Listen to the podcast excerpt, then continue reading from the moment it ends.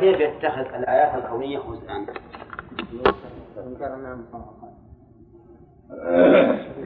لا يعني يجعلها جزء سخرية لا فائدة هذه الآيات مما لو وضع مثلا لو نزل المطر لو نزل في أيام الصيف اللي ما جرت العادة بأن ينزل به المطر فيه المطر وكان يسخن قال وش هذا؟ وش هذا التدبير؟ نعم. وش هذا التدبير؟ يوم الناس محتاجين إلا المطر بشتى ما جاء والآن يأتي. مثلا هذا يمكن يوجد. يوجد من بعض الفجرة. يقولون مثل هذه الأشياء. أو مثل يغلب قوم قوميون من العرب تغلبهم اليهود. مثلا يقول ما هذا؟ شو هذا؟ يكون النصر لليهود على العرب. على بني كنعان وعدنان وقحطان. كيف هذا؟ وذول بني إسرائيل. نعم وما أشبه ذلك. هذا من من السخرية والاستهزاء بقضاء الله وقدره سواء كان من فعله الذي لا لا صنع للآدم فيه ولا علاقة للإنسان فيه أو من الأشياء اللي للإنسان فيه علاقة. ولكن المؤمن يستسلم لأمر الله عز وجل الكوني كما يستسلم لأمره الشرعي. ويرى أنه في غاية الحكمة وفي غاية الإتقان وأنه في مكانه وأن وأن من غلب من العرب أو غير العرب فإن الحكمة تقتضي أن يكون مغلوبا أن يكون كذلك لأن الله عز وجل حكيم ما يصنع شيئا إلا لحكمة فالمهم أن الاستهزاء بالآيات الكونية ممكن أن يكون يمكن أن يكون وقد نهى الله تعالى أن نتخذ هذه الآيات جزءا سواء كانت الآيات كونية أو شرعية. لكن بما أن الآية في سياق الآيات الشرعية تكون أخص بالآيات الشرعية منها في الآيات الكونية. قال ولا تتخذوا آيات الله جزءا واذكروا نعمة الله عليكم. اذكروا. بماذا؟ باللسان بالقلب بالجوارح بالجميع. بالجميع. اذكروا نعمة الله عليكم حتى تقوموا بشكرها فإن الغفلة عن ذكر النعم سبب لعدم الشكر. تذكرها باللسان بأن تثني على الله بها. تقول أنعم الله علي بكذا وأما بنعمة ربك فحدث. تثني على الله عز وجل بها تقول اللهم لك الحمد على ما أنعمت علي به من كذا وكذا من المال أو الزوجة أو الأولاد أو ما أشبه ذلك. وقول نعمة الله مفرد مضاف. والمفرد المضاف يدل على العموم من صيغ العموم. كما في قوله تعالى وإن تعدوا نعمة الله لا تحصوها. لو كان المراد بالنعمة مدلولها الإفرادي لكان إحصاؤها ممكنا؟ لأنها؟ ولا لها عدد. مختلفين أهل أهل اللغة. هل الواحد عدد ولا غير عدد؟ المهم أن نعمة الله هنا عامة. نعم لا تحصى أجناسها فضلا عن انفرادها فقول نعمة الله عليكم يشمل كل النعم وإن دقت. لأن الله عز وجل يقول وما بكم من نعمة فمن الله. واعلم أن النعمة خير والنعمة شر. لأن معنى النعمة التنعم والترف. قال الله تعالى فأخرجناهم من جنات وعيون وزروع ومقام كريم. ونعمة كانوا فيها فاكهين. كذلك أوردناها قوما آخرين. وقال تعالى وذرني والمكذبين أولي النعمة ومهلهم قليلا أما النعمة فهي من الله عز وجل وهي خير وإحسان. فالإنسان واجب عليه أن يذكر نعمة الله عز وجل بالثناء عليه بها في اللسان. والقيام بحقها في الأركان واعتقاد أنها من عند الله تفضلا وإحسانا بالجنان بالقلب حتى يكون بذلك متبرئا من حوله وقوته. لأن النعمة كلها من الرب عز وجل. قال و وما أنزل عليكم من الكتاب والحكمة يعظكم به. وما أنزل. الواو حرف عطف وما اسم موصول مبني على السكون في محل نصب عطفا على إيش؟ على الله ولا على نعمة؟ ها؟ على نعمة يعني واذكروا ما أنزل عليكم من الكتاب والحكمة يعظكم به والعطف هنا من باب عطف الخاص على العام. لأن ما أنزل الله علينا من الكتاب والحكمة ها من النعم بل هو من أكبر النعم. اليوم أكملت لكم دينكم وأتممت عليكم نعمتي. لقد من الله على المؤمنين إذ بعث فيهم رسولا من أنفسهم يتلو عليهم آياته ويزكيهم ويعلمهم الكتاب والحكمة. لماذا عطفت على النعم وهي عامة؟ لأن عطف الخاص على العام يدل على أهميته وعلو شأنه ولهذا أفرد من العموم تنصيصا عليه وذلك لأن دلالة العموم على جميع أفراده دلالة قطعية ولا ظنية؟ دلالة ظنية بالكم لهذه القاعدة دلالة العام على جميع أفراده دلالة ظنية لأن العام أحيانا يراد به الخصوص وأحيانا يكون عاما مخصوصا. والفرق بينهما ظاهر. الفرق بين العام المخصوص والعام المراد به الخصوص. الفرق بينهما ظاهر ولا غير ظاهر؟ غير ظاهر. أحسن هكذا طالب العلم. إذا ما ظهر له هو ظاهر. الفرق بين العام المخصوص هو أن اللفظ يكون عاما يراد به جميع أفراده ثم يخرج منه بعض الأفراد.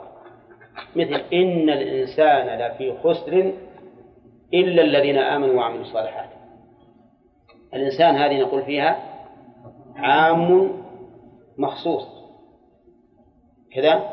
والذين آمنوا المحصنات ثم لم يأتوا بأربعة شهداء فاجلدوهم ثمانية جلدة ولا تقبلوا لهم شهادة أبدا. وأولئك هم الفاسقون. هذا عام. أولى لكنه مخصوص للزوج. إذا قذف زوجته فإن له حكما خاصا والذين يرمون أزواجهم ولم يكن لهم شهداء إلا أنفسهم فشهادة أحدهم أربع شهادة لله. وإنما مثلنا بذلك مع مع المثال الأول لأجل أن نمثل بالتخصيص المتصل والتخصيص المنفصل. وإذا معلوم ولا غير معلوم؟ التخصيص المتصل أن يكون في كلام واحد العام والمخصص. إن الإنسان لفي خسر إلا الذين آمنوا. والتخصيص المنفصل أن يكون التخصيص في كلام آخر منفصل عن الأول. فآية القذف نزلت قبل آية اللعان. لأنه لما نزلت آية القذف قال سعد بن عبادة رضي الله عنه أجد على زوجتي لكع باللكع ثم أذهب وأدخل أربعة رجال يشهدون. لئن وجدته لأضربنه بالسيف غير مصفح. نعم.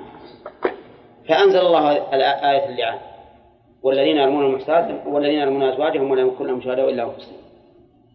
المهم هذا مثال لإيش؟ للعام. للعام المخصوص. بمخصص متصل أو مخصص منفصل. العام الذي أريد به الخصوص يكون من الأصل ما قصد عمومه.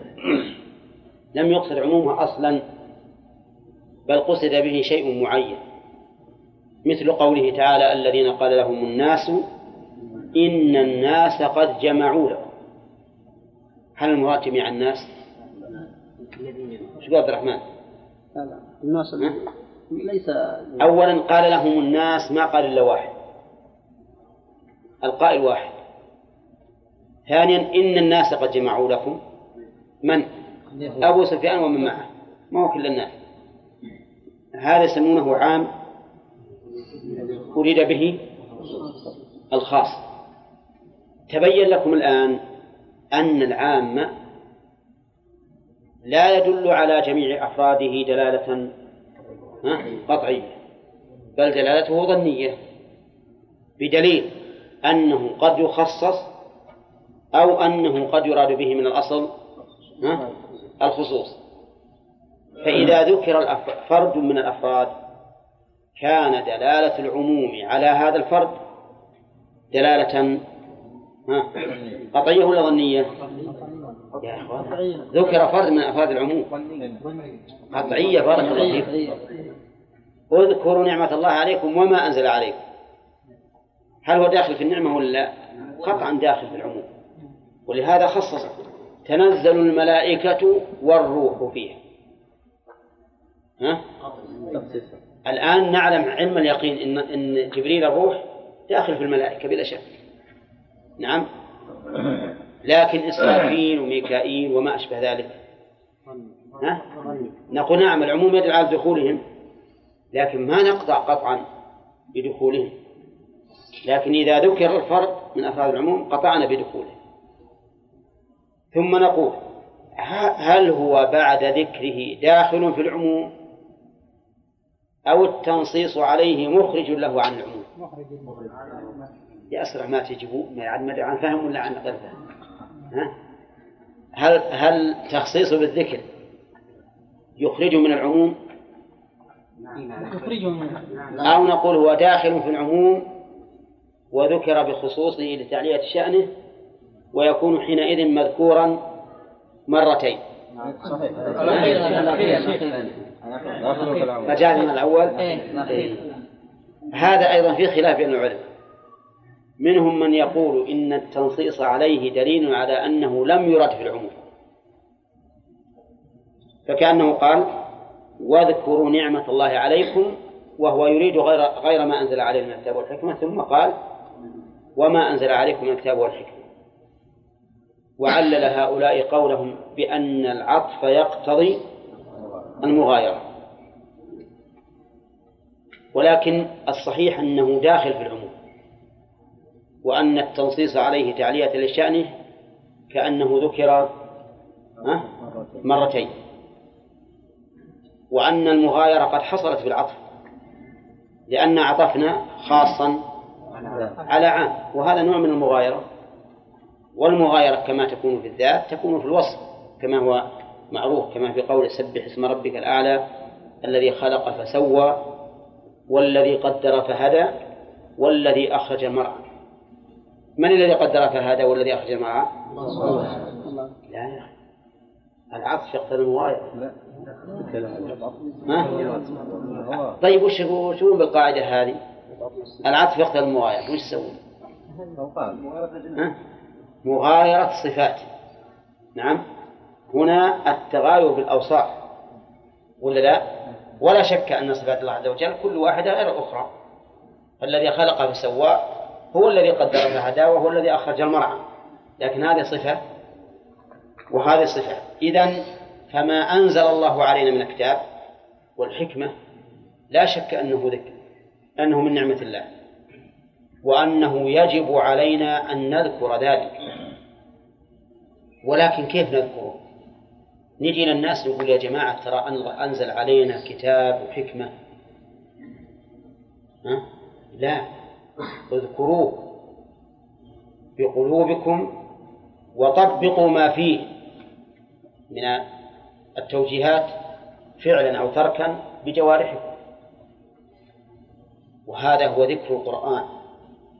كيف يكون ذاكرا للقرآن من لم يعمل به؟ أين ذكره القرآن؟ فاذكروها بقلوبكم معترفين لله تعالى بالفضل. معترفين لله بالفضل بإنزالها ثم اعتقدوا ما دلت عليه من العقائد ونفذوا ما تقتضيه من الأوامر والنواهي. مفهوم لا؟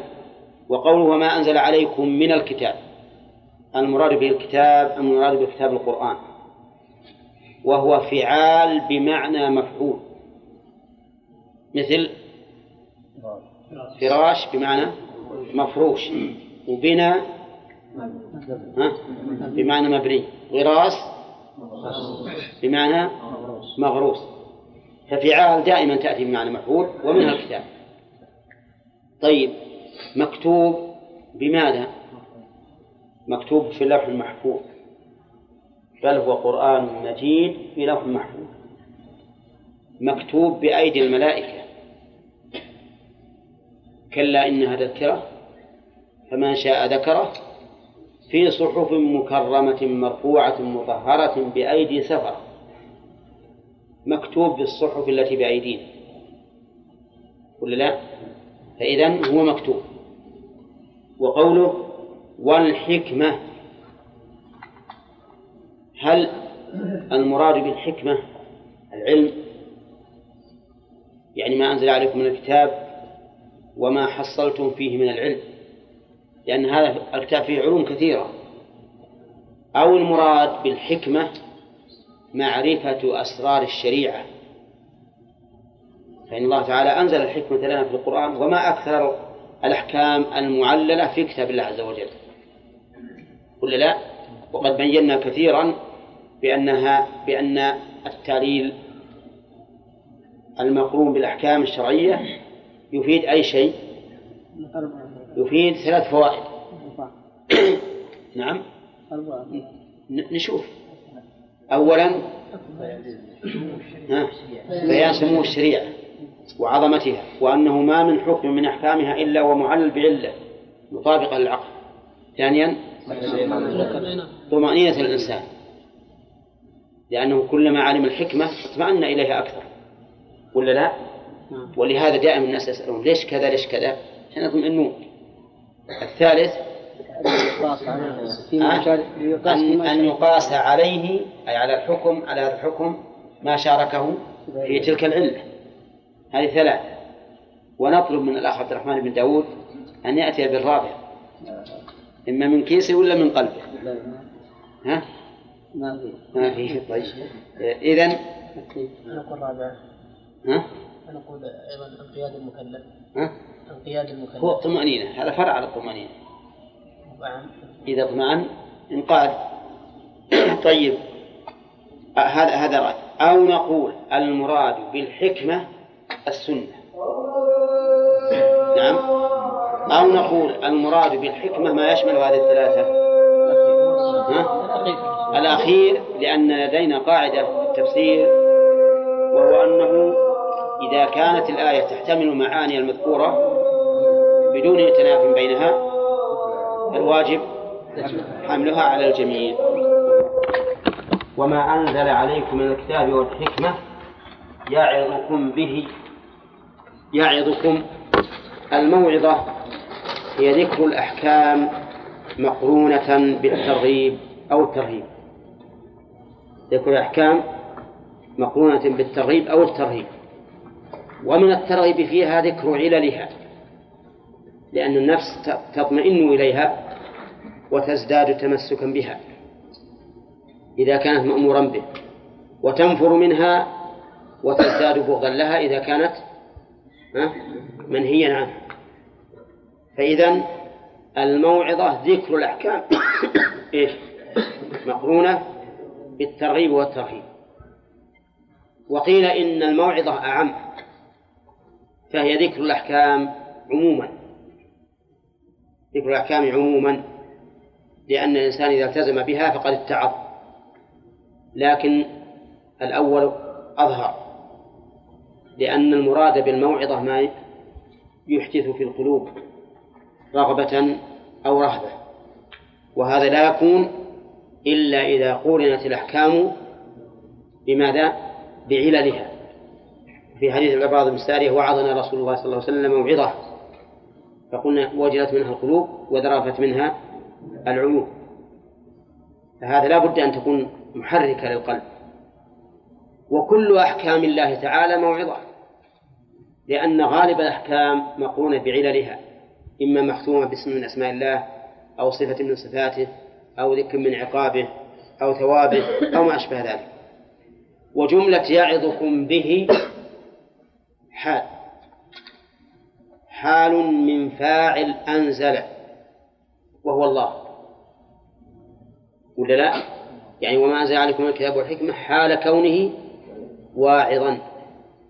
ويجوز أن يكون حالا من الكتاب. يعني حال كون الكتاب موعوظا به. وهما متلازمان. فالكتاب والحكمة موعظة من الله عز وجل. يا أيها الناس قد جاءتكم موعظة من ربكم وشفاء لما في الصدور وهدى ورحمة للمؤمنين. يعظكم به واتقوا الله. ما أكثر ما يأمر الله عز وجل بالتقوى لأن بالتقوى صلاح القلوب. والتقوى اختلف المفسرون فيها على كثير من الأقوال وأجمعها أن التقوى هي اتخاذ وقاية من عذاب الله. بفعل أوامره واجتناب نواهيه والاشتقاق يدل على هذا لأن مأخوذة منين؟ من الوقاية وعلى هذا فالتقوى هي اتخاذ وقاية من عذاب الله بفعل أوامره واجتناب نواهيه وقال بعضهم فيها خل الذنوب صغيرها وكبيرها ذاك التقى واعمل كماش فوق أرض الشوك يحذر ما يرى. لا تحقرن صغيرة إن الجبال من الحصى. وقال بعضهم التقوى أن تعمل بطاعة الله على نور من الله ترجو ثواب الله وأن تترك ما نهى الله على نور من الله تخشى عقاب الله. وكل هذه تعبيرات لكنها تنصب في معنى واحد. وهي ما أشرنا إليه أولا وهو أجمعها. وقول اتقوا الله واضح أنه أن فيها إشارة ظاهرة إلى وجوب الإخلاص في تقوى الله سبحانه وتعالى. وأن الإنسان لا يتقي أحدا ولكنه يتقي من خلقه وهو الله عز وجل. لا يتقي الذنوب خوفا من من عيب الناس عليه ولا يفعل الطاعات رجاء لثواب الناس على ذلك سواء كانت الطاعات من العبادات البدنية أو من العلم العلمية أو من غير ذلك. كل العبادات يجب أن تكون خالصة لله سبحانه وتعالى. ولهذا ذكر الإمام أحمد رحمه الله أن رجلا قال لقوم أنا لا أصلي بكم التراويح في رمضان إلا بكذا وكذا. فقال نعوذ بالله من يصلي خلف هذا. فاستعاذ منه رحمه الله وقال كيف من يصلي خلف هذا؟ ولكن لا يشكل عليك ما يأخذه الناس من رزق من بيت المال فإن هذا لا بأس به. إذا أخذه إذا أخذه الإنسان وهو غير مشرف ولا سائل غير مشرف ولا سائل فلا بأس به.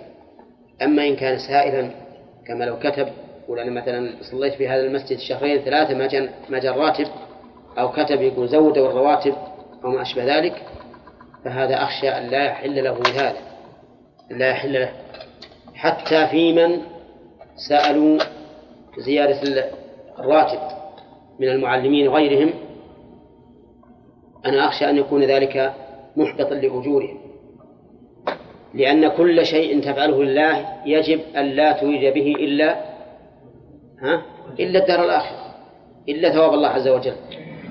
أما أن تذهب تجادل للدنيا وأنت تعمل الآخرة فهذا خلاف ما خلاف العقل كما أنه خلاف الشرع. قال واتقوا الله واعلموا أن الله بكل شيء عليم. اعلموا هذا أمر بالعلم. العلم الذي يجب أن يثمر هو مجرد العلم فقط يجب أن أن يثمر. إذا علمت أن الله بكل شيء كل من صيغ العموم. وشيء كذلك. فإن كلمة شيء من أعم الأشياء. نعم. حتى أن تقال حتى في العدم. كما قال تعالى لم يكن شيئا مذكورا. فشيء من أعم الكلمات. ومضاف إليها كل. إذا تعم كل شيء.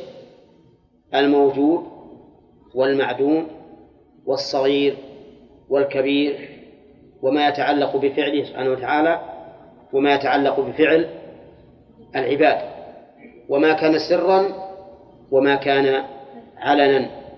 حتى ما في القلب يعلمه الله عز وجل. ولقد خلقنا الإنسان ونعلم ما توسوس به نفسه. وفي ذكر قوله بعد و... والله واعلم أن الله بكل شيء عليم بعد الأمر بالتقوى إشارة إلى أنه لا تجعل تقواك مخالفة لما في باطنك.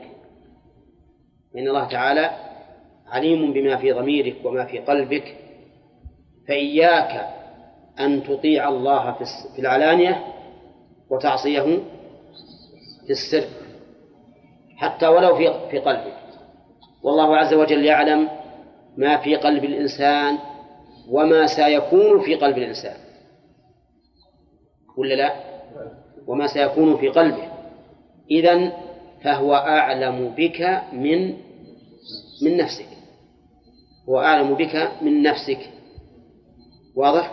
قال واعلموا أن الله بكل شيء عليم. فعلمه عز وجل محيط بكل شيء أزلا وأبدا صغيرا وكبيرا حاضرا ومستقبلا. الآن أعنية الأسئلة مشكلة. ها؟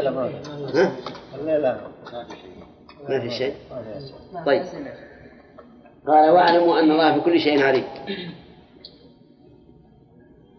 طيب وقوله بكل شيء. مفعول مقدم لعليم. نعم. أولى. عجيب مفهوم مقدم لعليم. جار مجرور متعلق بعليم. فهل نقول إن إن هنا من فائدة التقديم الحصر؟ ها؟ كيف ما في حد وش الفائدة من التقديم إذن؟ مراعاة الفواصل لا شك في هذا. مراعاة الفواصل مقصودة في القرآن الكريم لأن الفواصل إذا كانت على وتيرة واحدة لا شك أنها أصغى للسمع. في مراعاة الفواصل. ثم نقول الظاهر والله أعلم أن الاختصاص هنا من باب أن الذي اختص بهذا العلم العام هو الله. ولا كلمة في كل شيء ما ما فيها حصر إطلاقا. لكن لا عالم بكل شيء إلا الله سبحانه وتعالى. أما المخلوق فعلمه محدود. محدود من كل ناحية. من من أوله وآخره وشموله. فمن أوله لأن علم الإنسان مسبوق بالجهل. والله أخرجكم من بطون أمهاتكم لا تعلمون شيئا. أولا وعلمك الذي تعلمه اليوم قبل أمس معناه أنك كنت أمس. جاهلا به. كذلك هو محفوف بالنسيان. فهو ملحوق بالجهل ومسبوق وهو مسبوق بالجهل وملحوق بالنسيان. ثم هو أيضا ليس بشامل. أولى ما ليس بشامل. محصور ضيق جدا. حتى نفسه ما يعرف ماذا يكسب غدا. ولكن الله عز وجل بكل شيء عليم. ثم قال وإذا طلقتم النساء فبلغن أجلهن فلا تعضلوهن أن ينكحن أزواجهن. وإذا طلقتم النساء فبلغن أجلهن فلا تعضلوهن أن ينكحن أزواجهن. في هذه في هذه الآية أشكال من جهة الضمائر. في أشكال من جهة الضمائر. نشوف. إذا طلقتم الخطاب لمن؟ للأزواج. فلا تعذروهن الخطاب للأولياء. هذا هو المشهور هذا هو المشهور ولا مانع من تشتت الضمائر إذا كان ذلك معلوما. لا مانع. كما أنه لا مانع من أن يكون الضمير عائدا على السابق دون الذي يليه إذا كان ذلك معلوما. مثل قوله تعالى ملة أبيكم إبراهيم هو سماكم المسلمين من قبل وفي هذا. هو يعود على من؟ على الله لا على إبراهيم. فالحاصل أن تشتيت الضمائر إذا فهم المقصود لا بأس به. وقد يكون في تشتيتها فائدة. ما هي انتباه الذهن؟ انتباه الذهن. لأن المعروف أن الكلام إذا كان على وتيرة واحدة فإن الإنسان ينساب ذهنه معه وربما ينسى ولا يتأمل. فإذا اختلفت الضمائر مثلا أو اختلفت الصيغة كالالتفات فإنه إيش؟ ينتبه يفكر يؤمن على من يجرى الضمير. إذا رجع على ما سبق اختلف المعنى. فالآية فيها أقوال. القول الأول ما أشرتم إليه أن قوله إذا طلقتم خطاب للأزواج وقوله فلا تعضلوهن خطاب للأولياء ولا مانع ولا مانع من أن تشتت الضمائر لوضوح المعنى. والمعنى والقول الثاني إذا طلقتم النساء خطاب للأزواج فلا تعضلوهن خطاب للأزواج أي ينكحن أزواجهن وبناء على هذا الرأي يكون قوله أن ينكحن أزواجهن باعتبار ما مضى ولا ما يستقبل؟ ها؟ باعتبار ما يستقبل ما يستقبل وعلى الأول أزواجهن باعتبار ما مضى. واضح عبد الوهاب؟ نعم. واضح. نعم بالنسبة هو هنا؟ الأزواج أيضا عندنا فيها معنيين نعم. كلمة أزواجهن هل الماضين ولا المستقبل؟ إذا قلنا فلا تعضلوهن إنه خطاب للأزواج. فالمراد بالأزواج؟ المستقبل. وإذا قلنا خطاب للأولياء فالمراد بالأزواج من مضى. كيف يكون الزوج المطلق عاضلا للزوجة المطلقة أن تنكح غيره؟ نقول نعم هذا موجود في الجاهلية. يكون الرجل شريفا وذا جاه فإذا طلق المرأة ما حد يتعدى فيتزوجها من بعده. فإن فعل فيا ويله. وحينئذ تكون الآية نهى الله فيها عن إيش؟ عن حال كانوا يرتكبونها في الجاهلية. أن الزوج إذا طلق الزوجة ما يمكن يخليها تتزوج بعده. نعم؟ وهذا لا شك أنه ظلم. لكن هذا واقع. هذا واقع. وأظنكم قد مر عليكم حديث سعد بن عبادة. فيما لو وجد على امرأته رجلا قال لأضربنه بالسيف غير مصفح. فقال الرسول صلى الله عليه وسلم ألا تعجبون من غيرة السعد؟ والله إني لأغير من سعد والله أغير مني. فأخبره أصحابه بأنه كان ذا غيرة. سعد بن عبادة حتى إنه إذا طلق الرجل إذا طلق المرأة لا يتزوجها أحد من بعده. لكنه رضي الله عنه مو بيمنع الناس. على كل حال إن هذا أمر موجود في الجاهلية. فنهى الله عنه.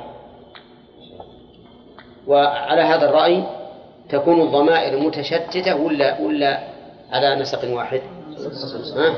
على نسق واحد. فيه وجه ثالث في الآية أن الخطاب لعموم الناس. إذا طلقتم أيها الناس. وليس الخطاب للأزواج. فلا تعضلوهن أيها الناس. وعلى هذا في فيوجه المعنى لمن يصح أن يوجه إليه. وهذا القول من حيث إن الأمة شيء واحد فالخطاب لها كأنه خطاب لكل فرد. هذا المعنى له قوة عظيمة. أن الله يخاطب جميع العباد. يقول إذا طلقتم النساء فلا تعضلوهن فهو يخاطب الناس باعتبار المجموع لا باعتبار الجميع الذي يقصد به كل فرد.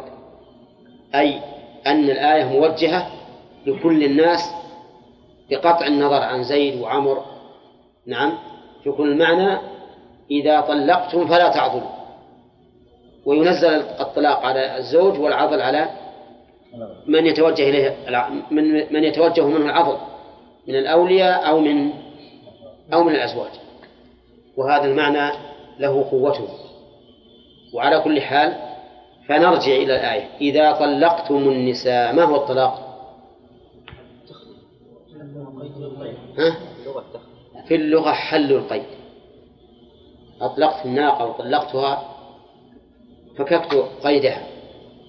وفي الشرع حل قيد النكاح أو بعضه. حل بعضه في الرجعية. إذا طلقتم النساء فبلغن أجلهن.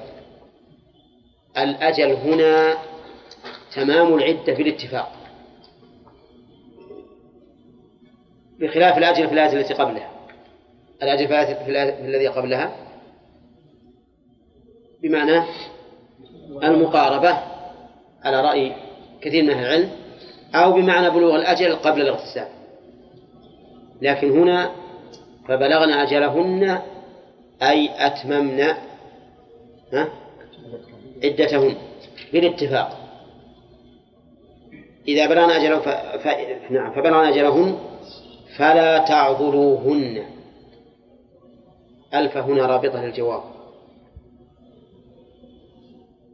ليش رابطة الجواب؟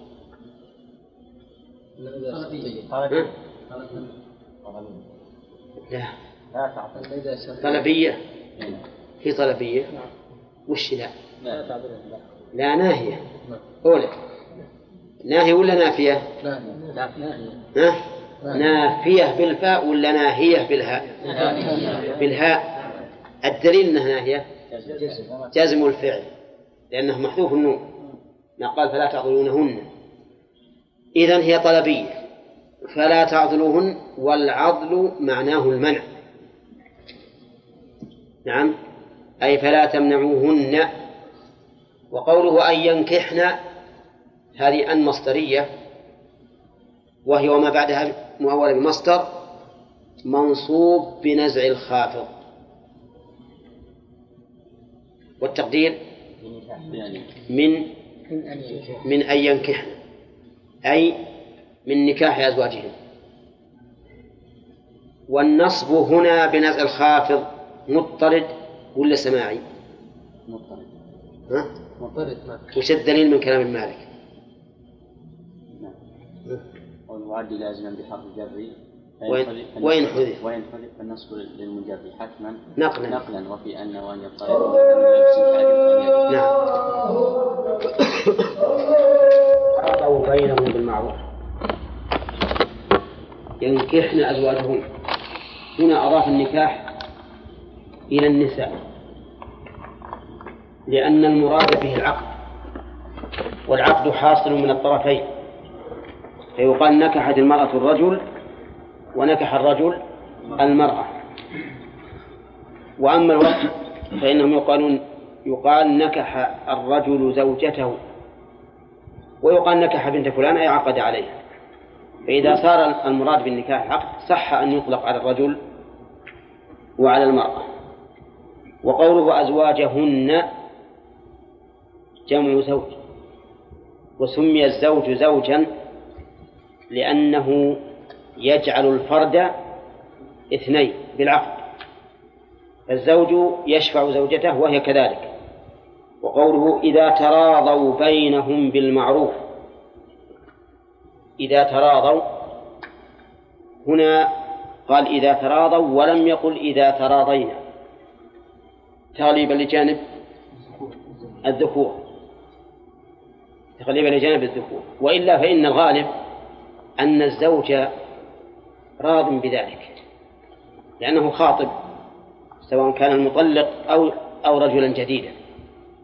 لكن لما كان الرضا في عقد النكاح مشترط بين الرجل والمرأة غلب جانب الرجال فقال إذا تراضوا بينهم بالمعروف. وقول التراضوا تفاعلوا أي حصل الرضا من الطرفين. وقول بينهم أي بين الأزواج والزوجات بالمعروف. ألب هنا للتعدية أو للمصاحبة يعني إذا تراضوا رضا معروفا غير منكر شرعا ولا عرفا. فإذا تراضى الزوج والزوجة سواء كان مطلقا أم خاطبا بالمعروف الشرعي والعرفي فإنه لا يجوز أن يعضل أن يعضل النساء من النكاح. ذلك يوعظ به من كان منكم يؤمن بالله واليوم الآخر. ذلك الخطاب لمن؟ لكل من يصح خطابه. لكل من يصح خطابه. وقد يقول قائل لماذا لم يقل ذلكم؟ لأنه يخاطب جماعة في قوله وإذا طلقتم النساء. فيقال إن اسم الإشارة إذا خوطب به جماعة جاز أن يذكر, أن يذكر مفردا ولو كانوا جماعة. وجاز أن يراعى في ذلك المخاطب. الكاف التي تتصل باسم الإشارة يجوز فيها لغة ثلاثة أوجه. الوجه الأول مراعاة المخاطب. إن كان مذكرا ذكرت إن كان مؤنثا أنثت إذا كان مفردا أفردت وإذا كان جمعا جمعت وإذا كان مثنى ثنيت. والوجه الثاني أن تفتح دائما. تكون بالإفراد والتذكير. ذلك أيا كان المخاطب. فكأن المشير يقول أشير مخاطبا هذا الذي أمامي. إلى كذا وكذا. والوجه الثالث أن تذكر الكاف مفردة مكسورة في خطاب المؤنث مفتوحة في خطاب المذكر. مثال هذا عندك مثلا جماعة من النساء تريد أن تشير إلى شيء مذكر مخاطبا إياهن فتقول ذلكن. كما قالت امرأة العزيز قالت فذلكن الذي لمتنني فيه. لأن تشير إلى واحد مذكر وهو يوسف وتخاطب جماعة نصف فجعلت الضمير ضمير جماعة النسوة. ذلكن. ويجوز أن أقول في خطابهن ذلك بالكسر والإفراد لأنني أخاطب نساء. ويجوز أن أقول ذلك بالفتح والإفراد. وكل هذا جاءت به اللغة والأفصح مراعاة المخاطب. هذا هو الأفصح. ولهذا إذا جاءت على خلاف مراعاة المخاطب لا بد فيها من تأويل. هنا قال ذلك يوعظ به. ذلك أي المذكور واضح. المشار إليه مفرد مذكر. لكن المخاطب إذا طلقتم جماعة الذكور فيقصد أن يقول إيش؟ ذلكم. كما جاء كذلك في سورة الطلاق. في قوله تعالى ذلكم يوعظ به من كان يؤمن بالله واليوم الآخر ومن يتق الله يجعله مخرجا. وهنا جاءت بالإفراد لأن كلا الوجهين صحيح وقول يوعظ به من كان الموعظة تقدم لنا أنها ذكر الأحكام مقرونة بترغيب في الأوامر وترهيب في النواهي. هذه الموعظة لأن الإنسان يتعظ بها. وقد يطلق تطلق الموعظة على مجرد ذكر الأحكام. لما في الالتزام بها من الاتعاظ والذكرى. مثل قوله تعالى إن الله يأمركم أن تؤدوا الأمانات إلى أهلها وإذا حكمتم من الناس أن تحكموا العدل إن الله نعم ما يعظكم به إن الله كان سميعا بصيرا. على أن هذه الآية نعم ما يعظكم به تشير إلى إيش؟ نعم ما يعظكم به أي الأمر بأداء الأمانة. فالحاصل أن أن هذه أن هذا معنى الموعظة. ولا شيء أعظم موعظة من القرآن لمن كان له قلب أو ألقى السمع وهو شيء وأما من أعرض عنه ولم يرفع به رأسا فإنه لا ينتفع به بل يكون عليه مرضا. ولهذا هنا قيد من من كان يؤمن بالله واليوم الآخر. يوعظ به من كان منكم يؤمن بالله واليوم الآخر. وإنما خصه بمن كان يؤمن بالله واليوم الآخر لأنه هو الذي يتعظ وينتفع. يا أيها الناس قد جاءتكم موعظة من ربكم وشفاء لما في الصدور وهدى ورحمة للمؤمنين. فالمؤمنون هم الذين ينتفعون. وقوله يؤمن بالله. لا بد من هذا كله. أما الإيمان باليوم الآخر فإن فإن المراد به الإيمان بأن هذا اليوم كائن لا محالة. وقد ذكر شيخ الإسلام في العقيدة الواسطية أنه يدخل في الإيمان باليوم الآخر كل ما أخبر به النبي صلى الله عليه وسلم مما يكون بعد الموت. وعلى هذا ففتنة القبر ونعيم القبر أو عذابه تدخل في الإيمان باليوم الآخر. ويقرن الله عز وجل دائما بين الإيمان بالله واليوم الآخر. لأن الإيمان باليوم الآخر أكبر ما يحث الإنسان على العمل. إذ من آمن بهذا اليوم الذي سيلاقي فيه ربه وسيحاسبه على عمله ويجازيه عليه فإنه سوف يعمل لهذا اليوم. وأما من أنكره هل يعمل؟ من أنكر هذا اليوم وقال ما فيه بعد ما هي إلا حياتنا الدنيا نموت ونحيا فهذا ليس ليس بعامل. نعم. فالإيمان باليوم الآخر هو أشد حاد للإنسان وحامل له على على العمل. فعل للمأمور وتركا للمحظور. وسماه الله يوما آخر لأنه لا يوم بعده. وهذا اليوم الذي يكون هو يوم لا ليل فيه. لأن الشمس والقمر تكوران وتلقيان في النار. فليس فيه إلا يوم فقط. ولهذا سماه الله اليوم الآخر فلا يوم فلا يوم بعده.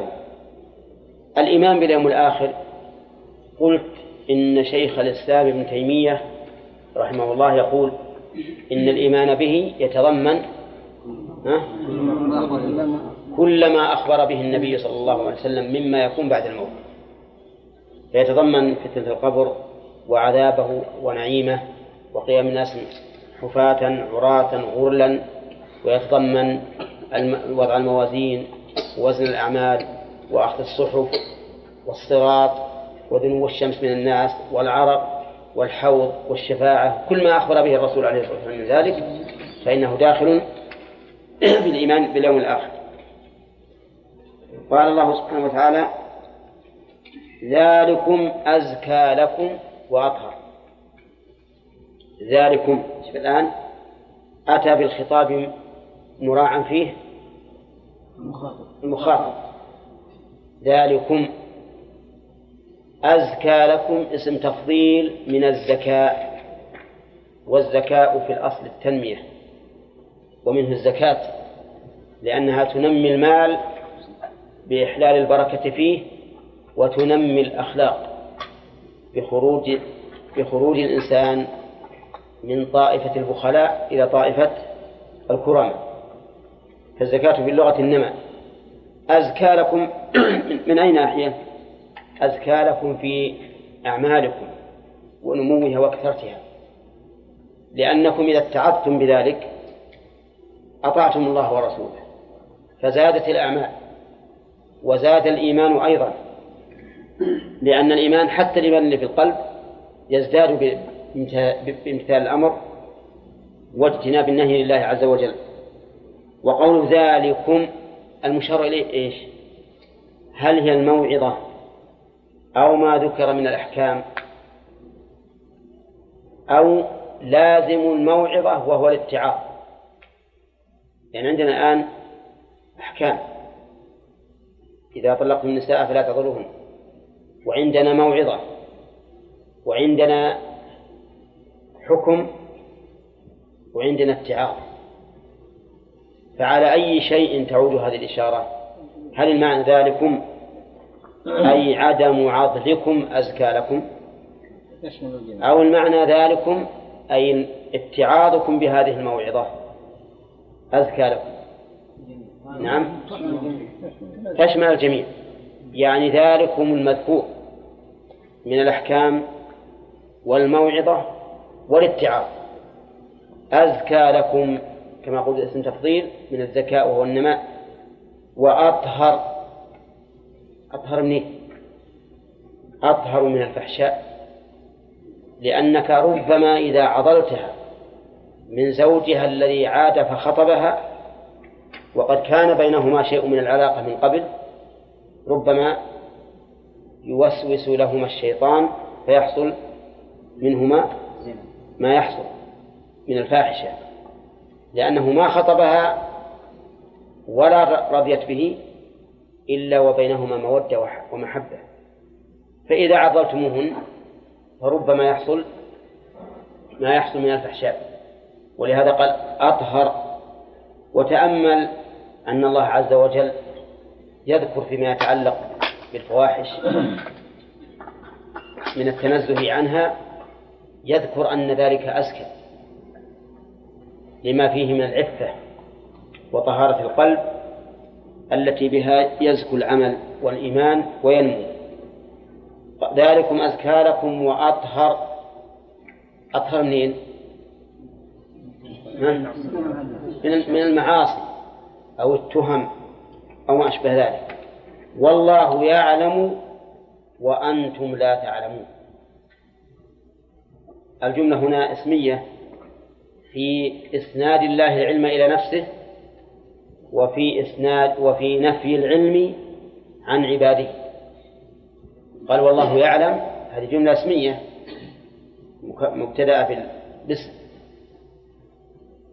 وقوله يعلم حذف المفعول لإفادة العموم. لأنه إذا حذف المفعول من الفعل المتعدي صار عاملا شاملا لكل ما يحتمله. وهو يعلم الحاضر والمستقبل والماضي وما يصلحكم وما لا يصلحكم وماذا تمتثلون ومن يمتثل منكم ومن لا يمتثل. المهم أنه عام. وقوله وأنتم لا تعلمون. وأنتم لا تعلمون هذا هو الأصل في الإنسان. كما قال الله تعالى والله أخرجكم من بطون أمهاتكم لا تعلمون شيئا وجعل لكم السمع والأبصار. فالأصل في الإنسان الجهل. ولهذا قال وأنتم لا تعلمون. ثم يحصل العلم شيئا فشيئا ممن حوله ومما سمعه وشاهده حتى ينمو علمه. وعلى هذا فنفي الجهل فنفي العلم هنا باعتبار إيش؟ باعتبار أصل الإنسان أنه ليس بعالم. وإلا فإن الإنسان يعلم كما قال الله تعالى واتقوا الله ويعلمكم الله. والله بكل شيء عليم. فالإنسان لا شك أنه يعلم لكن الأصل فيه عدم العلم لولا أن الله سبحانه وتعالى يعلمه. ولا فرق في ذلك بين ما طريقه الوحي وما طريقه الحس وما طريقه الفطرة. لأن طرق العلم متعددة. فالعلم فالوحي من طرق العلم. ولا لا؟ والحس من طرق العلم. وهو الذي يشاهد الإنسان بعينه أو يسمعه بأذنه أو يحسه بيده أو بشمه أو بذوقه. هذه من طرق العلم. ومن طرق العلم أيضا الفطرة. فإن الإنسان مفطور على توحيد الله سبحانه وتعالى والإنابة إليه. قال والله يعلم وأنتم لا تعلمون. ثم قال تعالى والوالدات.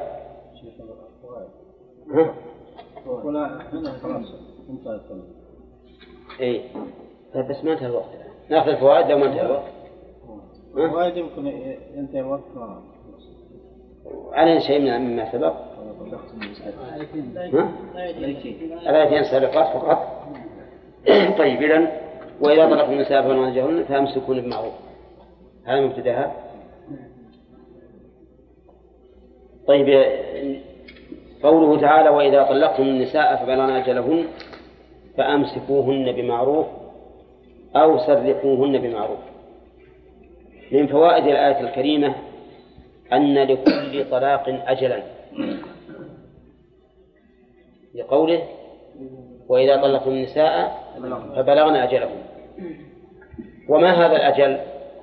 الأجل هنا مجمل لكنه مبين في قوله تعالى والمطلقات يتربصن بأنفسهن ثلاثة قروء وغيرها من من الآيات الدالة على العدة.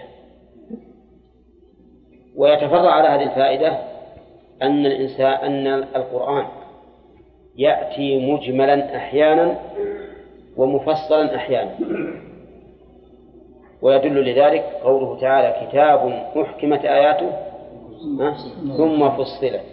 من لدن حكيم خبير وفائدة الإتيان بالإجمال ثم التفصيل فائدته أنه إذا ورد النص مجملا فإن النفس تتطلع إلى معرفة ذلك الإجمال وبيان ذلك المبهم فيكون ذلك أشد لها طلبا للعلم ولا لا؟ لكن لو جاء شيء باردا مفصلا من الأول ما يكون هنا معها شغف للوصول إلى العلم. فإذا ذكر مجملا مجملا صارت النفس تتطلب الوصول إلى بيان هذا المجمل فيكون هذا طريقا من طرق تثبيت العلم. ومن فوائد الآية الكريمة جواز المراجعة بعد تمام العدة. لقوله فبلغن أجلهن فأمسكوهن. فأمسكوهن بمعروف أو سرحوهن. وجه الدلالة أن قوله فأمسكوهن جواب للشرط في قوله إذا طلقتم. وقوله إذا طلقتم. وهذا يقتضي إذا طلقتم فبلغنا. وهذا يقتضي أن يكون الإمساك أو التسريح بعد بعد بلوغ الأجل. بعد بلوغ الأجل. ضرورة أن الشرط أن المشروط يقع بعد بعد الشرط المشروط اللي هو الجواب يقع بعد الشرط وهذه المسألة اختلف فيها أهل العلم. فذهب الإمام أحمد رحمه الله إلى أن للزوج أن يمسك حتى تغتسل من الحيضة الثالثة. فلو طهرت في الصباح بعد الفجر بعد أن طلعت الشمس ثم لم تغتسل إلا لصلاة الظهر. ورجعها زوجها فيما بين طهارتها واغتسالها. فهو عند الإمام أحمد جائز وله أن يراجع.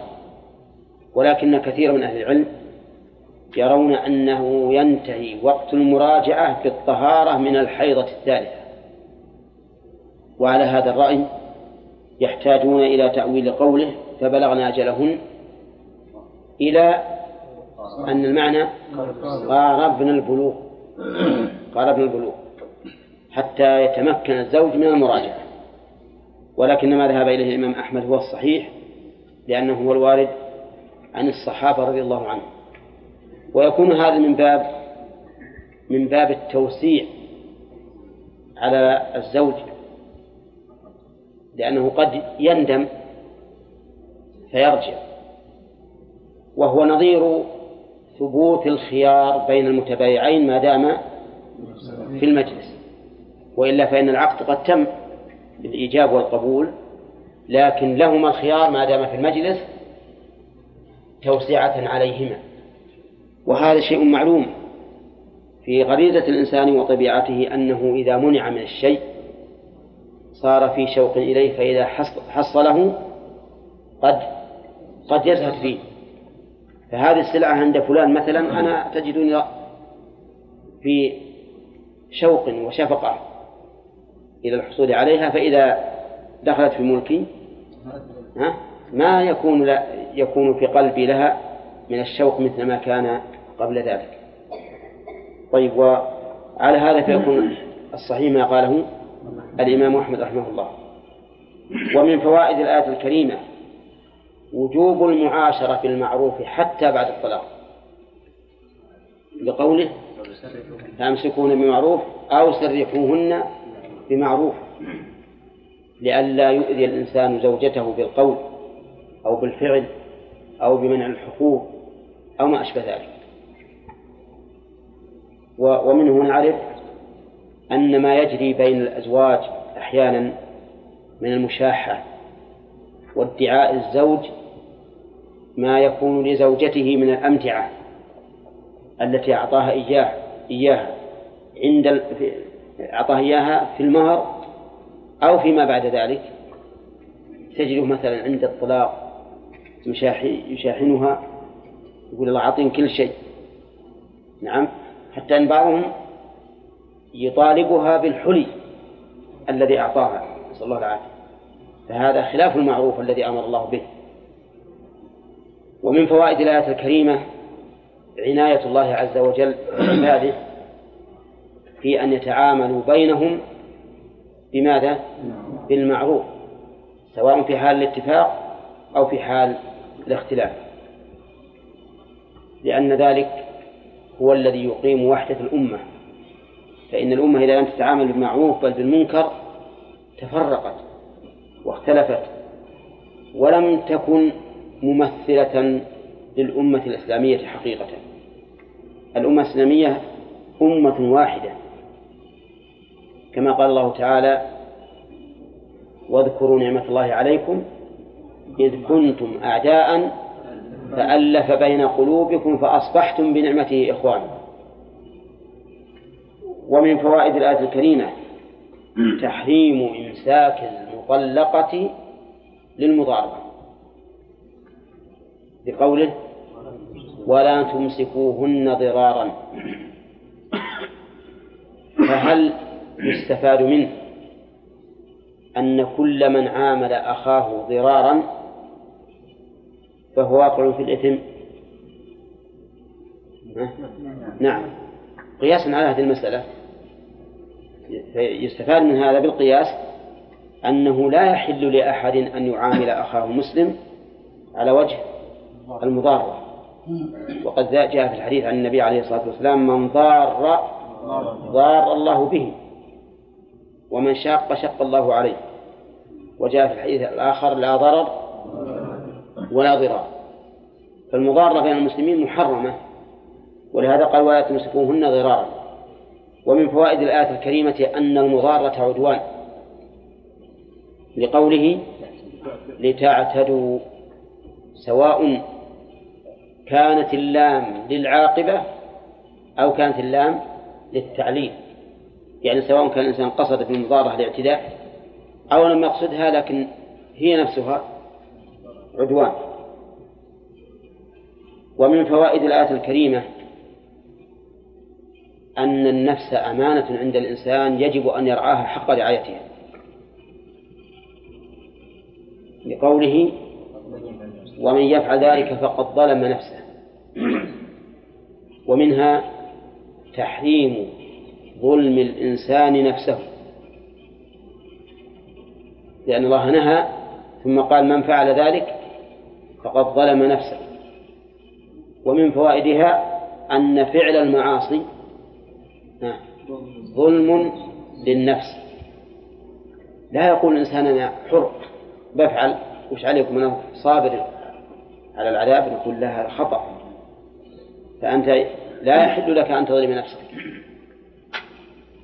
إذا كان الرسول عليه الصلاة والسلام قال ابدأ بنفسك في حصول المطلوب فكذلك في النجاة من المرهوب ابدأ بنفسك. كما أنك تعلم أن ظلم الغير عدوان وحرام فظلم نفسك أيضا عدوان وحرام. طيب فقد ظلم ومن يفعل ذلك فقد ظلم نفسه. ومن فوائد الآية الكريمة التحذير البالغ من العدوان على الغير. حيث قال فقد ظلم نفسه لأن الظالم لغيره قد يتصور في مخيلته أنه ظالم لهذا ال- لهذا المعتدى عليه. وهو في الحقيقة ظالم لنفسه. هل يمكن أن نأخذ منها أنه يجب على الإنسان أن يحب لأخيه ما يحب لنفسه؟ يسرعكم ما شاء الله بالاستنباط؟ كيف ذلك؟ لأنه جعل ظلم الغير ظلما للنفس. وعلى هذا فكما أنك لا تحب أن تظلم نفسك فيجب أن لا تظلم غيرك كما أنك إذا إذا تبين لك أنك إذا في ظلم نفسك معتدي في ظلم غيرك معتد فأنت في ظلم نفسك كذلك معتدي ومن فوائد الآية الكريمة تحريم اتخاذ آيات الله هزوا بقوله ولا تتخذوا آيات الله هزوا ومنها أن المخالفة نوع من الهزء وهذه مسألة خطيرة جدا. مخالفة أمر الله والوقوع في معصيته في فيما نهى عنه نوع من الهزء كيف ذلك؟ لأنك إذا آمنت بأن الله عز وجل هو الرب العظيم الذي له الحكم وإليه الحكم ثم عصيته كأنك تستهزئ بهذه العظمة وتستهتر بها. لو أن ملك من الملوك ولله المثل الأعلى نهاك عن شيء. ثم إنك أمامه وفي عينيه تخالف هذا الأمر. ألا يمكن أن يقول لك أنت تستهزئ بي؟ ها؟ أنا أمرك تخالف أمامي؟ نعم. أو أنهاك تفعل ما, نهيتك عنه أمامي؟ فالمعصية نوع من الاستهزاء بالله عز وجل. وإن كانت ليست النوع الذي يخرج به الإنسان من من من الإسلام لأن النوع الذي يخرج به الإنسان من, الإسلام في الاستهزاء أن يستهزئ حقيقة سخرية. نعم مثل أن يسخر بالأذان. يقول ليش الأذان؟ الأذان من من قبل يوم الناس ما عندهم ساعات أما الآذان أما الآن فلا ما حاجة للأذان هذا يعتبر تحصيل حاصل. ولا حاجة إليه. أو يسخر بالمؤذن كيف يقوم ويرفع صوته بهذا بهذا النداء. أو يسخر بالمصلين. هذا مخرج عن الملة. فالاستهزاء بحكم من أحكام الله غير مخالفة الحكم. مخالفة الحكم نوع من الاستهزاء كما أنها نوع من الشرك لكنها ما هي بالشرك ال- الذي يصطلح عليه. وليس الاستهزاء الذي يخرج من الملة إنما المخالفة. لا شك أنها نوع من الاستهزاء كما قال تعالى ولا تتخذوا آيات الله هزوا ومن فوائد الآية الكريمة وجوب ذكر نعمة الله. واذكروا نعمة الله عليكم وهل المراد ذكرها في نفسك؟ بأن تتذكرها وتفكر فيها وتؤمن فيها. أو ذكرها أمام الناس بالقول أو ذكرها أمام الناس بالفعل. يشمل الجميع. لكن ذكرها أمام الناس سواء كان بالقول أو بالفعل يجب أن لا يكون على سبيل الافتخار عليهم. فإن كان على سبيل الافتخار عليهم فإن الله لا يحب كل مختال فخور. يجب أن يكون من باب إظهار فضل ذي الفضل وأن الله عز وجل أنعم عليك بهذه النعمة.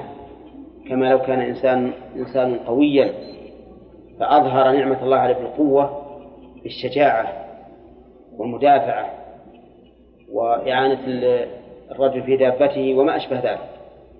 أو تحدث بنعمة الله. قال الحمد لله أنا في قوة وفي صحة وأعطاني الله تعالى مالا أعطاني ولدا وما أشبه ذلك على سبيل إظهار نعمة الله عز وجل. لا الافتخار على الخلق. فهذا داخل في الآية. واذكروا نعمة الله عليكم. ومن فوائد وأما ذكرها بالقلب فظاهر يكون الإنسان دائما محتقرا لنفسه أمام نعم الله عالما بأنها محض منة من الله عز وجل. لا يكون كالذي قال إنما أوتيته على علم عندي بل يقول إن هذا يقولها بقلبه وكذلك يتحدث بها بلسانه بأن هذا محض فضل من الله سبحانه وتعالى. لأن الله تعالى لو شاء لسلبك هذه النعمة. كما أنه سلبها أناسا كثيرين تعرفهم أو لا تعرفهم. ومن فوائد الآية الكريمة أن منة الله علينا بإنزال الكتاب والحكمة أعظم من كل نعمة. من أين تؤخذ؟ من تخصيصها بعد التعميم لأن التخصيص بعد التعميم يدل على فضل مخصص وعلى هذا فما أنزل علينا من الكتاب والحكمة. أعظم منة من الله بها علينا وأعظم نعمة. وذكر نعمة الله بما أنزل علينا. سبق لنا أن المراد أن تثني على بذلك وأن تقوم بتنفيذ ما أمرك به وما نهاك عنه. قال تعالى واذكروا نعمة الله عليكم وما أنزل عليكم من الكتاب والحكمة يعظكم به. قلنا إنه يستفاد من الآية الكريمة أن ما أنزل علينا من الكتاب والحكمة أعظم من كل نعمة. ووجه ذلك التخصيص بعد التعميم ومن فوائد الآية الكريمة أن القرآن كلام الله بقوله وما أنزل عليكم لأن ما أنزله الله إما أن يكون عينا قائمة بنفسها أو صفة عين أو صفة قائمة في عين في عين.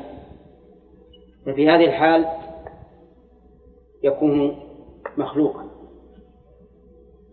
وأما إذا أطلق الإنزال وليس عين قائمة بنفسه ولا وصفا في عين قائمة بنفسها فهو من صفات الله. فهو من صفات الله عز وجل. مثال العين. قوله تعالى أنزل من السماء ماء. وأنزلنا الحديد فيه بأس شديد. مثال الوصف في عين قائمة هو الذي أنزل السكينة في قلوب المؤمنين. ليزدادوا إيمانا. فأنزل السكينة السكينة هذه صفة في في قلب المؤمن والمؤمن عين قائمة بنفسه فتكون هنا مخلوقة السكينة مخلوقة وكذلك الحديد والماء النازل من السماء مخلوق. أما هنا الكتاب فالكتاب كلام الله عز وجل والكلام صفة من نعم في المتكلم. فإذا قال الله إنه أنزل على الكتاب علم أن هذا الكتاب من صفات الله عز وجل فيكون من كلامه. ومن فوائد الآية الكريمة أن شريعة الله عز وجل كلها حكمة.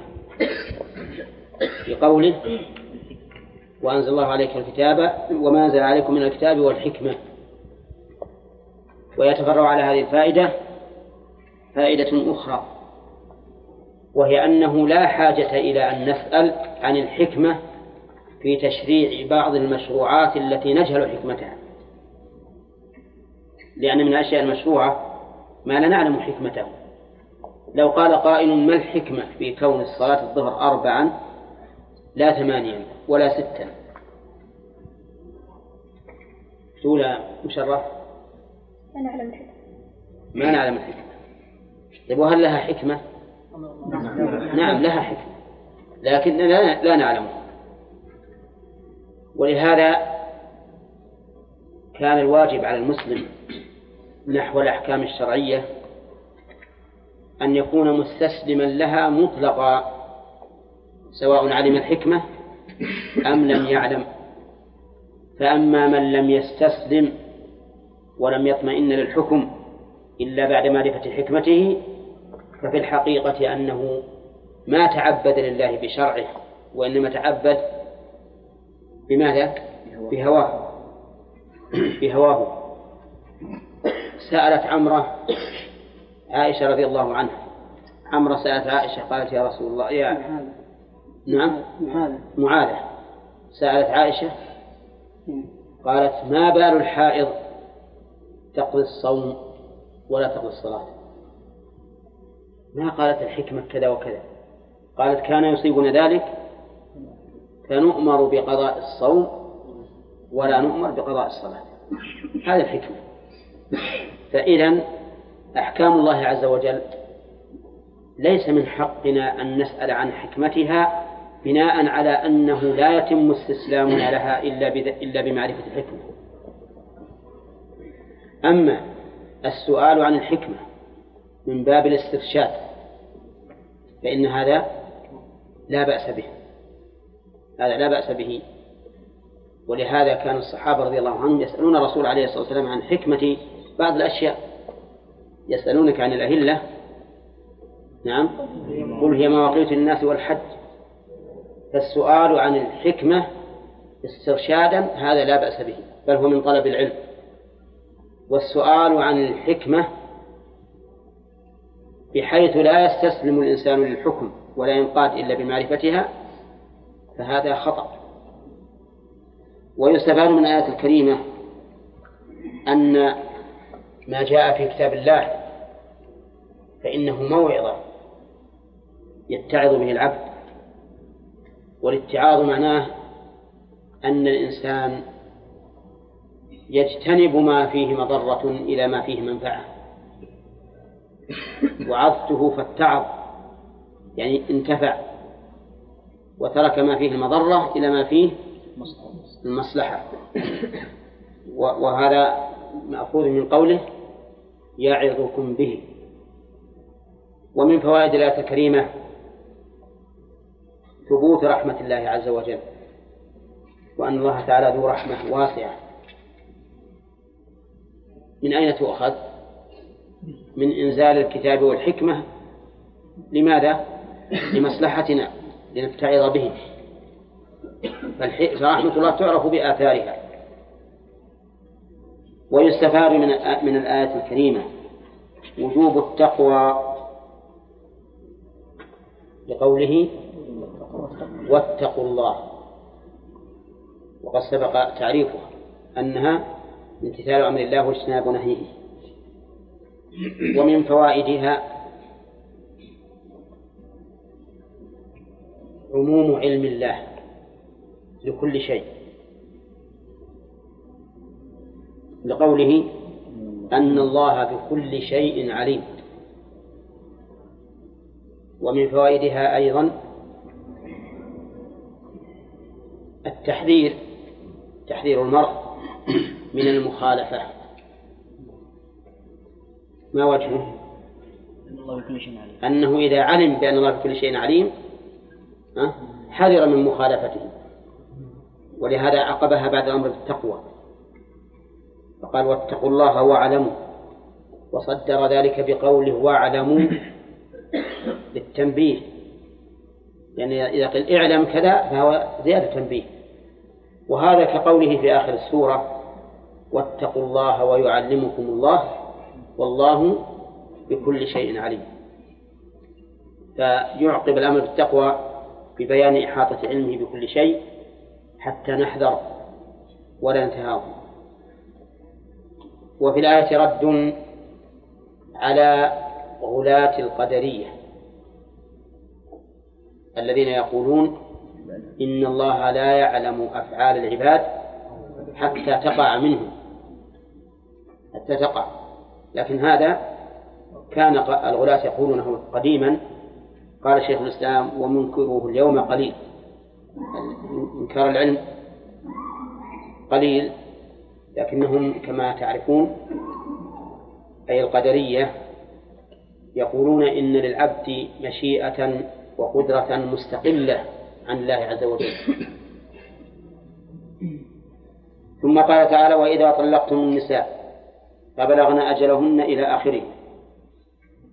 يستفاد من هذه الآية ومما قبلها شدة عناية الله سبحانه وتعالى بأمر بأمر النكاح والطلاق. لأنه من أهم العقود وأخطرها ولهذا جاء فيه من التفاصيل ما لم يأتي في غيره. ف ويستفاد منه من الآية الكريمة أنه لا نكاح قبل انقضاء العدة. لقوله فبلغن أجلهن فلا تعذرهن. وهو كذلك. فإن النكاح في العدة باطل إلا ممن كانت العدة له إلا ممن كانت العدة له. يمكن؟ يمكن. كيف ذلك؟ ها؟ لا لا. هذا مو نكاح. لو طلقها على عوض. خلع ففي هذه الحال تبين منه ولا يمكن يراجعها بمجرد راجعت زوجتي بل لا بد من عقد. والعقد هنا جائز ولا لا؟ نعم جائز. لأنه ممن له العدة. مفهوم عبد الرحمن؟ مفهوم؟ طيب. أما من غيره فإنه لا يحل لا, لا, لا يحل العقد. طيب وهل تحل به المرأة؟ الجواب تحل بعقد بعد انقضاء العدة. وقال بعض العلماء إنها لا تحل ولو بعد انقضاء العدة لمن تزوجها وهي في عدة والصحيح أن ذلك يرجع إلى رأي القاضي. وأنه إذا رأى حرمان هذا الذي تزوجها في عدتها حرمانه منها مطلقا فله ذلك كما يذكر عن عمر رضي الله عنه. لأن القاعدة المعروفة الشرعية من تعجل بشيئا قبل أوانه على وجه محرم عوقب بحرمانه عوقب بحرمانه. فللقاضي أن يمنعه من النكاح بها مطلقا وما يمكن يزوجها لكن جمهور أهل العلم على حلها لزوج لهذا الذي عقد عليها بعد انقضاء العدة ويستفاد من الآية الكريمة تحريم منع الولي موليته أن تنكح من رضيته. بقوله فلا تعذروهن أن ينكحن أزواجهن ويستفاد منها أيضا أن النكاح لا بد فيه من ولي وأن المرأة لا تزوج نفسها. وجهه أنه نعم وجهه من هذه من هذه الجملة أنه لو كانت تملك العقد لنفسها ما كان لعضل وليها تأثير ما كان له تأثير عضل أو لم يعضل تبي تزوج نفسها فلولا أن عضله مؤثر نعم ما قال الله تعالى فلا تعضلوهن أن ينكحن أزواجهن. هكذا استدل كثير من أهل العلم بهذه الآية. وربما ينازع منازع في دلالتها على ذلك. لأنه قد يقول إن الله نهى عن منعهن والإنسان قد يمنع بحسب العادة والعرف. ابنته أو موليته من أن تنكح زوجا آخر وإن كان ذلك يمكنها أن تتزوج هي بنفسها لأنها لا تريد أن تخالفه مخافة المعرة واللوم من الناس. وقال منعها أبوها وراح تزوج نفسها. يعني بمعنى أن الآية ليست واضحة صريحة في أنه لا يمكن النكاح إلا بولي عرفتم؟ لأنه من الممكن أن أن يكون لها حق تزويج لأن يكون لها حق تزويج نفسها لكن يأتي أبوها ويقول إن زوجت نفسك قتلت قتلتك. ممكن. يكون عضلها مع أنه يمكن أن تزوج. كما لو قال لها إن بعت بيتك بيتك قتلتك مثلا. صار منعها أن تبيع البيت؟ أولى منعها أن تبيع البيت لكن لو باعته ها؟ صح صح البيع ولها ذلك. ويستفاد من والجواب الآية على ذلك نعم. والجواب على ذلك. الجواب أنه إذا وجد الاحتمال سقط الاستدلال.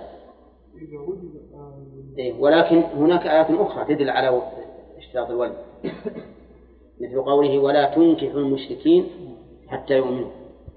طيب ثم قال و فلا ينكح ما زوج- فيه أيضا من فوائد الآية إطلاق الشيء إطلاق الشيء على ما مضى أو ما يستقبل مع أنه في الحال لا يتصف به. قوله؟ أن ينكحن أزواجهن لأنه إن كان المراد من طلقت ثم أراد زوجها أن يعود عليها فهن أزواجهن فهم أزواجهن باعتبار ما مضى. وإن كان المراد الخطاب فهن فهم أزواجهن باعتبار المستقبل.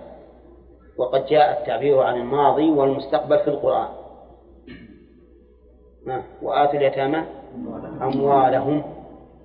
آتوا اليتامى أموالهم. ومع أنهم حين إتيان المال قد بلغوا وزال عنهم مسؤوليتهم إني أراني أعصر خمرا.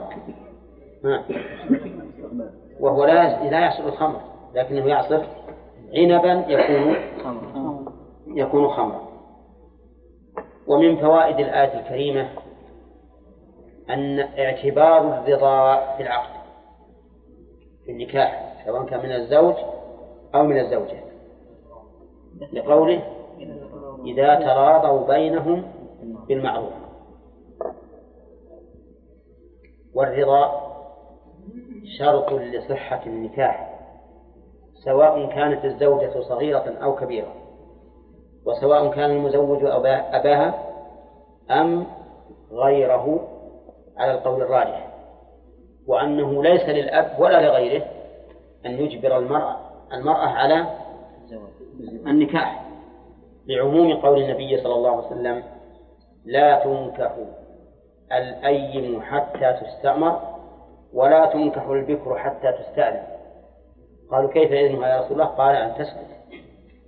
وفي صحيح مسلم البكر يستأذنها أبوها.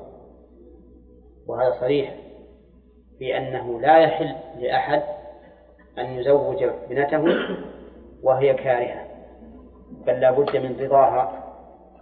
والمعنى يقتضيه أيضا لأنه إذا كان الأب لا يملك أن يبيع حبة من مالها إلا برضاها فكيف يملك أن يبيع نفسه بدون رضاها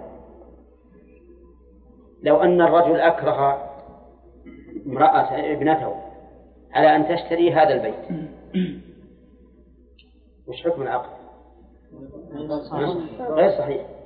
مع أنه بإمكانها إذا اشترت البيت وهي كارهة أن تبيعه أن تبيعه بعد يوم أو يومين. فكيف يملك أن يكرهها على أن تتزوج برجل لا تريده؟ نعم الشريعة ما يمكن أن تأتي بإباحة هذه وتحريم البيت. هذا بعيد لأن نعلم أن الشريعة جاءت من لدن حكيم خبير جل وعلا. فالصواب بلا شك أنه لا يحل للإنسان أن يجبر ابنته البالغة على نكاح من لا تريد مهما كان. لكن إذا أرادت إنسانا ليس مرضيا في دينه وخلقه فللولي أن يمنع. وفي هذه الحال لو بقيت لم تتزوج طول عمرها فليس عليه شيء. لأنه مأمور بذلك. وما ترتب على المأمور فغير محظور. فإن قلت يرد على ما قلت تزويج أبي بكر عائشة بالنبي صلى الله عليه وسلم ولها ست سنين. وش تقول هذا؟ يقول هات زوجة مثل عائشة وزوجا مثل النبي عليه الصلاة والسلام ونحن نقول زوجها ولها سنتان. لكن أين هذا؟ هل يعقل أن عائشة تعارض لو بلغت عشرين سنة تعارض في زواجه من الرسول صلى الله عليه وسلم؟ ها؟ أبدا. بل لما خيرها بأمر الله. أول ما خي... من خير من النساء هي؟ نعم. وش قالت؟ قالت أختار الله ورسوله. لما قال شاوري أبويك خاف أنها عليه الصلاة والسلام خاف أن تستعجل. فتقول اخترت نفسي. قال قالت يا رسول الله أفي هذا أستأمر أبوي القصة معروفة. ها؟ يا أيها النبي قل لأزواجك إن كنتن تردن الحياة الدنيا وزينتها فتعالي أمتعكن وأسرحكن سراحا جميلا. أعطيكم متاع أعطيكن متاعا وأسرحكن سراحا جميلا بقول لين لطيف نعم. وفي أمان الله. وإن كنتن تردن الله ورسوله والدار الآخرة فهذا إحسان عظيم. فإن الله أعد للمحسنات منكن أجرا عظيما. أول من بدأ عليه الصلاة والسلام شف امتثاله لأمر ربه صلى الله عليه وسلم. ما راح يبدأ إلا بأغلى النساء عنده. وأحب النساء إليه.